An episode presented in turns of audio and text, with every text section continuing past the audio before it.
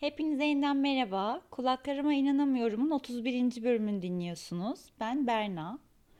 2024'ün ilk bölümü olarak yükleneceğini öngördüğüm bu bölüm benim için oldukça özel bir bölüm. Çünkü birkaç gün önce 30 yaşımı doldurdum ve aynı zamanda kulaklarıma inanamıyorum'da da 30 bölüm tamamladım. Bu güzel tesadüf o kadar hoşuma gitti ki e, tamamladığım 30 bölüm ve 30 sene için ayrı bir bölüm kaydetmek istedim. Bu bölümü ikinci defa kaydediyorum aslında. E, çünkü ilk bölümde o kadar duygulanmışım, sesim titremiş ki editlemesi çok zor oldu. Böyle komple birçok yeri de kesmek istemedim. O yüzden şimdi daha dirayetli bir şekilde yeniden bu bölümü kaydediyorum.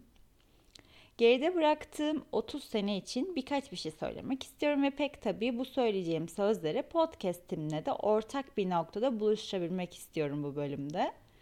Zaten bunun için çok çaba sarf etmeme gerek yok. Zira podcast yolculuğumda e, tıpkı 30 senem gibi oldukça inişli çıkışlı geçti. Podcast'a başlarken beni diğerlerinden ayıracağını düşündüğüm en önemli şey aynı zamanda da en büyük motivasyonum kimsenin konuşmadığı şeyleri konuşmak, tatsız konuları da ele alabilme cesaretini göstermekti. Hepimizin üzüldüğü, ağladığı şeyler olduğunu, yalnız ve çaresiz hissettiğimiz anlarda olduğunu ve bu anların da yine paylaşmaya değer olduğunu ilk edinerek başlamıştım.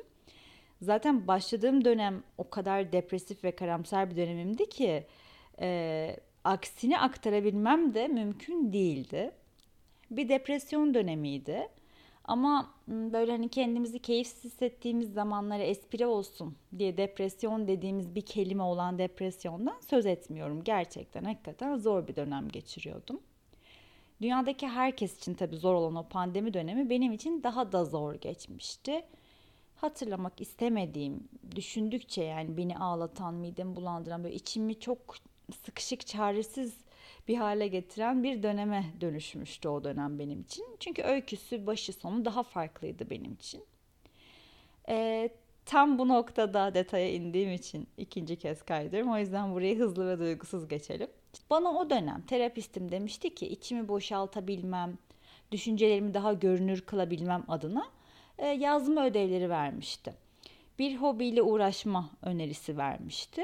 İşte ben de hani ne yapayım, neye odaklanayım diye düşünürken o zor zamanımda belki de Prozac'ın bana verdiği yetkiye dayanarak bu podcast işine girişmeye karar vermiştim. Yani her şey aslında böyle başlamıştı. Ha tabii ne yapabilirdim hani doktorun söylediğine istinaden bir online yoga dersine falan böyle bir adım da olabilirdi ama ben hani ne yapayım milyonların dinleyebileceği bir platformda travmalarımı anlatayım dedim herhalde bilmiyorum niyeyse.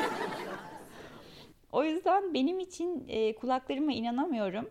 Ya hadi bir şeyler yapalım, değişiklik olsun, yemek kanalı mı açsak ya da işte şu tarz bir Instagram sayfası açsam tutar mı gibi hevesli bir maceradan ziyade bir iyi oluş mücadelesi olarak başladı ve bu yüzden de benim için kulaklarıma inanamıyorum anlamı çok büyük.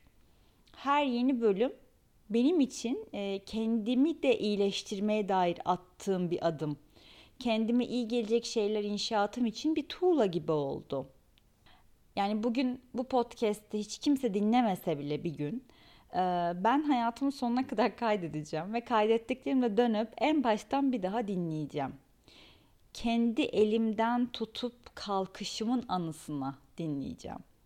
En zor zamanımda bile bir şeyler yapabilecek gücüm olduğunu bana hatırlatmasının anısına bundan güç almak için dinleyeceğim iyi olmak için hiçbir kaynak bulamadığım bir zamanda kaynağın kendi içimde olduğunu bana hatırlatmasının anısına dinleyeceğim.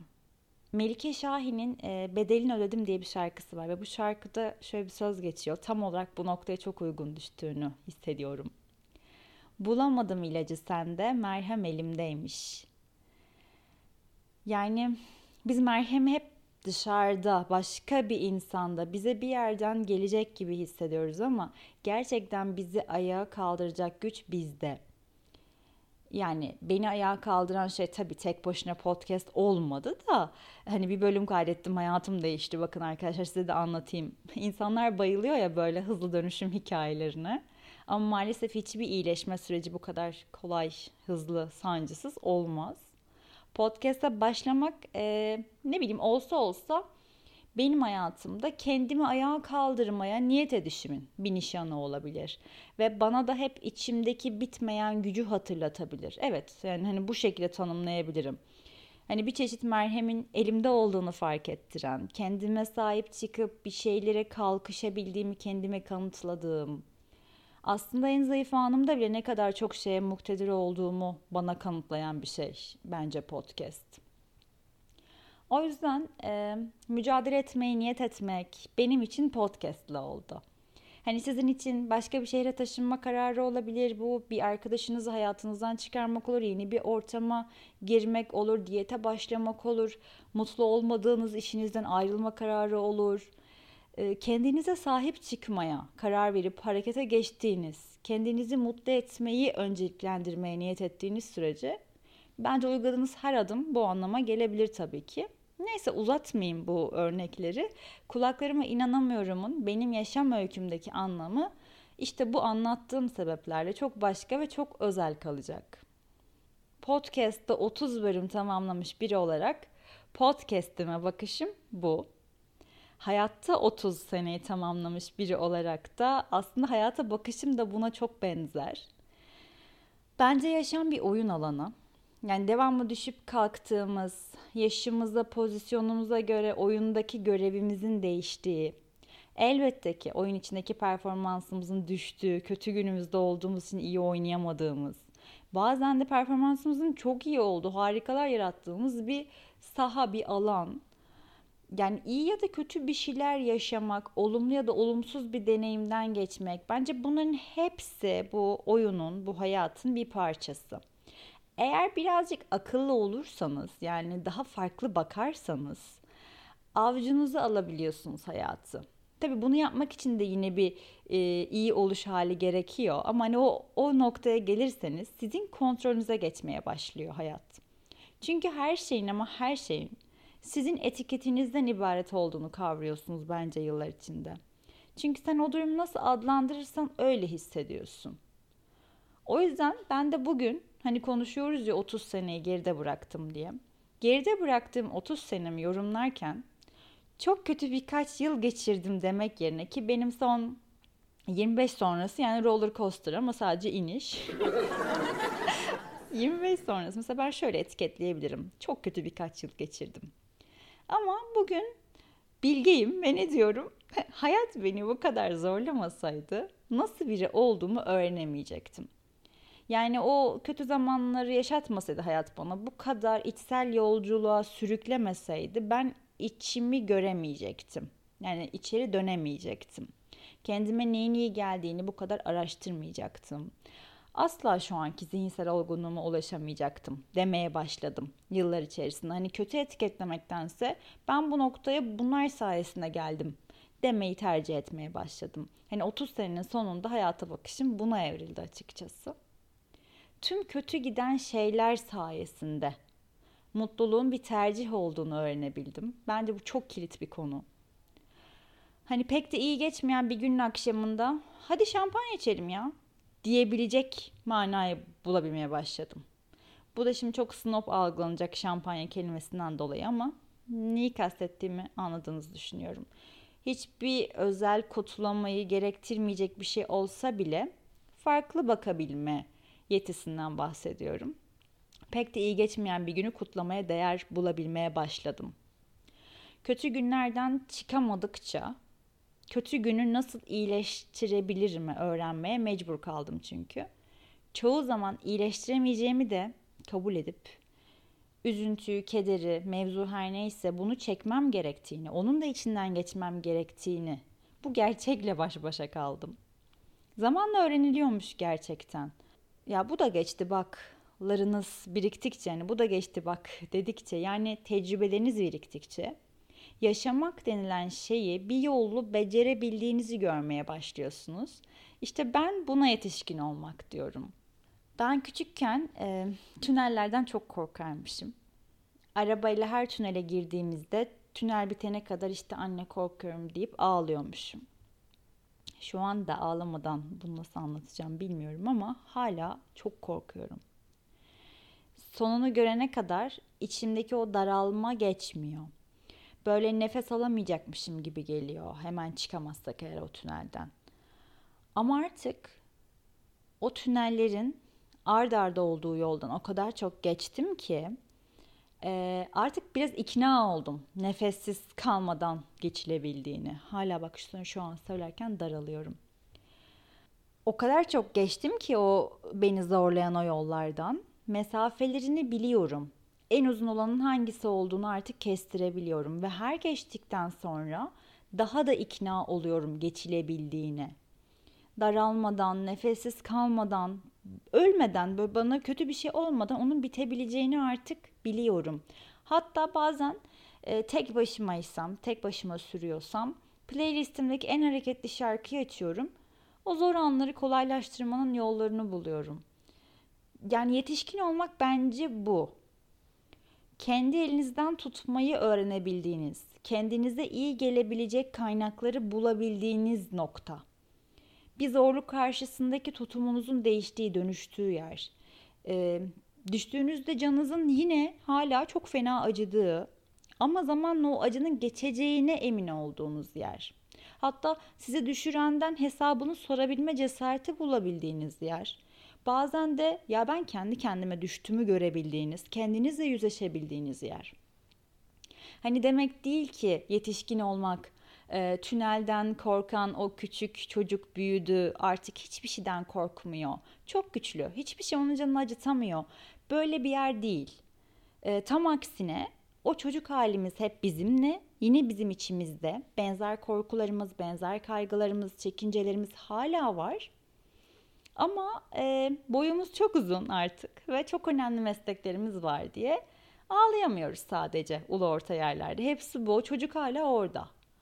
Hani herkes yaşını reddediyor ya böyle 30 oldum ama inanamıyorum hani hiç öyle hissetmiyorum hala işte 20 gibiyim ya da işte 50-60 yaşındaki insanlara sorun hala 20'li gibi hissediyorum derler ya bence sebebi bu hala çocuğuz hala o hislerleyiz ama sadece yaşımız büyüyor tıpkı çocuk gibi hissediyorsun içten içe ama pastada 30 yazıyor nasıl olur ya ben 30 kadar büyük hissetmiyorum ki küçücüğüm içimde diyorsun bu arada 30 yazan pastam olmadı doğum günümde. Şu an bir düşündüm de kimse böyle bir pasta yaptırmamış bana. Yani normal pastaya 3 ve 0 mumu da konmadı. Hani hiçbir şekilde böyle bir şey olmadığını şu an fark ettim. Annemler dilim pasta almışlar. Sağ olsunlar. Yani aman yenmiyor canım kalıyor sonra diye. ya sağ olsunlar tabii ama. İşte görüyorsunuz tıpkı bir çocuk gibi önemsenmek ve özel olduğunuzun hissettirilmesine ihtiyaç duyuyorsunuz. Yaşınız kaç olursa olsun. Ve bu olmadığında da inciniyorsunuz hala. Sezen Aksu'nun Küçüğüm şarkısı var. Ben her dinlediğimde net ağlarım. O küçücük hissetme, yolun başında hissetme halini bence çok güzel anlatır şarkı. Yaşım kaç olursa olsun o şarkı dinlediğimde hatırlarım ki Hala daha o tünelden korkan Berna'yım. Hala daha prensesli pasta bekleyen Berna'yım. Ne kadar tuhaf değil mi? O çocuk hep içimizde yani o hiç çıkmıyor. Çıkmayacak gibi de duruyor. Hani hala çok uslu olup kimse yüzmemeye çalışırken buluyorum kendimi. Hani böyle hafta sonu ödevlerini muhakkak cumadan bitirip sevdiklerimden takdir toplamaya çalışıyorum sanki. Hala daha gerçekten yabancılardan çekiniyorum. Böyle konuşmak istemiyorum bazı insanlarla. Bir ortama girmekten çekiniyorum. Hala daha yüksek sesten korkuyorum. Normal bir şey bile konuşuyor olmuş olsak ses yükseldiği zaman çok kötü hissediyorum. Çok çaresiz hissediyorum. Annemle babam tartıştığında o gerginliklerini gördüğümde hala da ağlamak istiyorum. Böyle başa çıkamıyorum sporda yeni bir aleti denerken çekiniyorum. Sanki bir çocuk gibi o hareketi beceremezsem rezil olursam diye utanıyorum. Saklanıyor gibi hissediyorum. Böyle bir kutunun üstüne o boxlar var ya onların üstüne çıktığımdaki yükseklikten bile korkuyorum. Berna saçmalama ne kadar güçlendin düşmezsin diyorum ama yine de korkuyorum. Düşersin in annem oradan Sesi hiç çıkmıyor aklımdan. Kendime de güvenemiyorum. Becerebileceğime inanamıyorum belki de bu yüzden. Ne kadar yetenekli olduğumu bazen kendim görsem bile, kendim fark edebilsem bile yok ya o kadar da değil diye bol kazaklar giyiyorum o yeteneğimin üstüne. Hasta olduğumda, bir problem yaşadığımda vücudumda en çok böyle zamanlarda mesela bir yerim kesilince ya kanaması hiç geçmeyecekmiş gibi geliyor. Hep böyle oraya bakıyorum. iki dakikada bir kontrol ediyorum. Yara bandı, başka bir şey. Doktora mı gitsem diyorum en ufak şeyde bile. Dişim ağrıdığı zaman hele bir daha hiç rahat gece uykusu uyuyamayacakmışım gibi geliyor. Yani çocukluğumda acısı dinmeyen, dindirilmemiş hangi yara varsa bugün hala aynı şiddetiyle acıyor özetle. 30 yaşına da gelseniz inanın o çocuk hali, çocuk hissetme hali değişmiyor. Değişen şey şu, kendi çocuk halimize, zayıf yanlarımıza sahip çıkabilen bir yetişkin olabilmeye başlıyoruz eğer akıllıysak ve biraz şanslıysak. Evet anlattığım gibi o çocuk hala içimde. 30'da olsam bence 40'da olsam içimde olacak ama ne değişti? Ben o küçük Berna'ya ebeveynlik yapabilmeye başladım. Onun korkularını yatıştıran, onu takdir eden, onu yüreklendiren bir yetişkin olmaya başladım. Ya iyi ki büyüdüm, iyi ki yaşlanıyorum dedirten bu bence tam olarak. Yani yaşlanmanın en güzel yanı 30, 40, 50 olmanın en güzel yanı bence kendi içimizdeki çocuğa zamanla daha tecrübeli bir ebeveyn olarak bakabiliyor olmamız. Umarım 40 olduğumda kendime daha iyi ebeveynlik yapan bir yetişkin olurum. Ve umarım 40 olduğumda burada ufak bir öz eleştiri gelecek. 40'tan daha fazla podcast kaydetmiş olurum.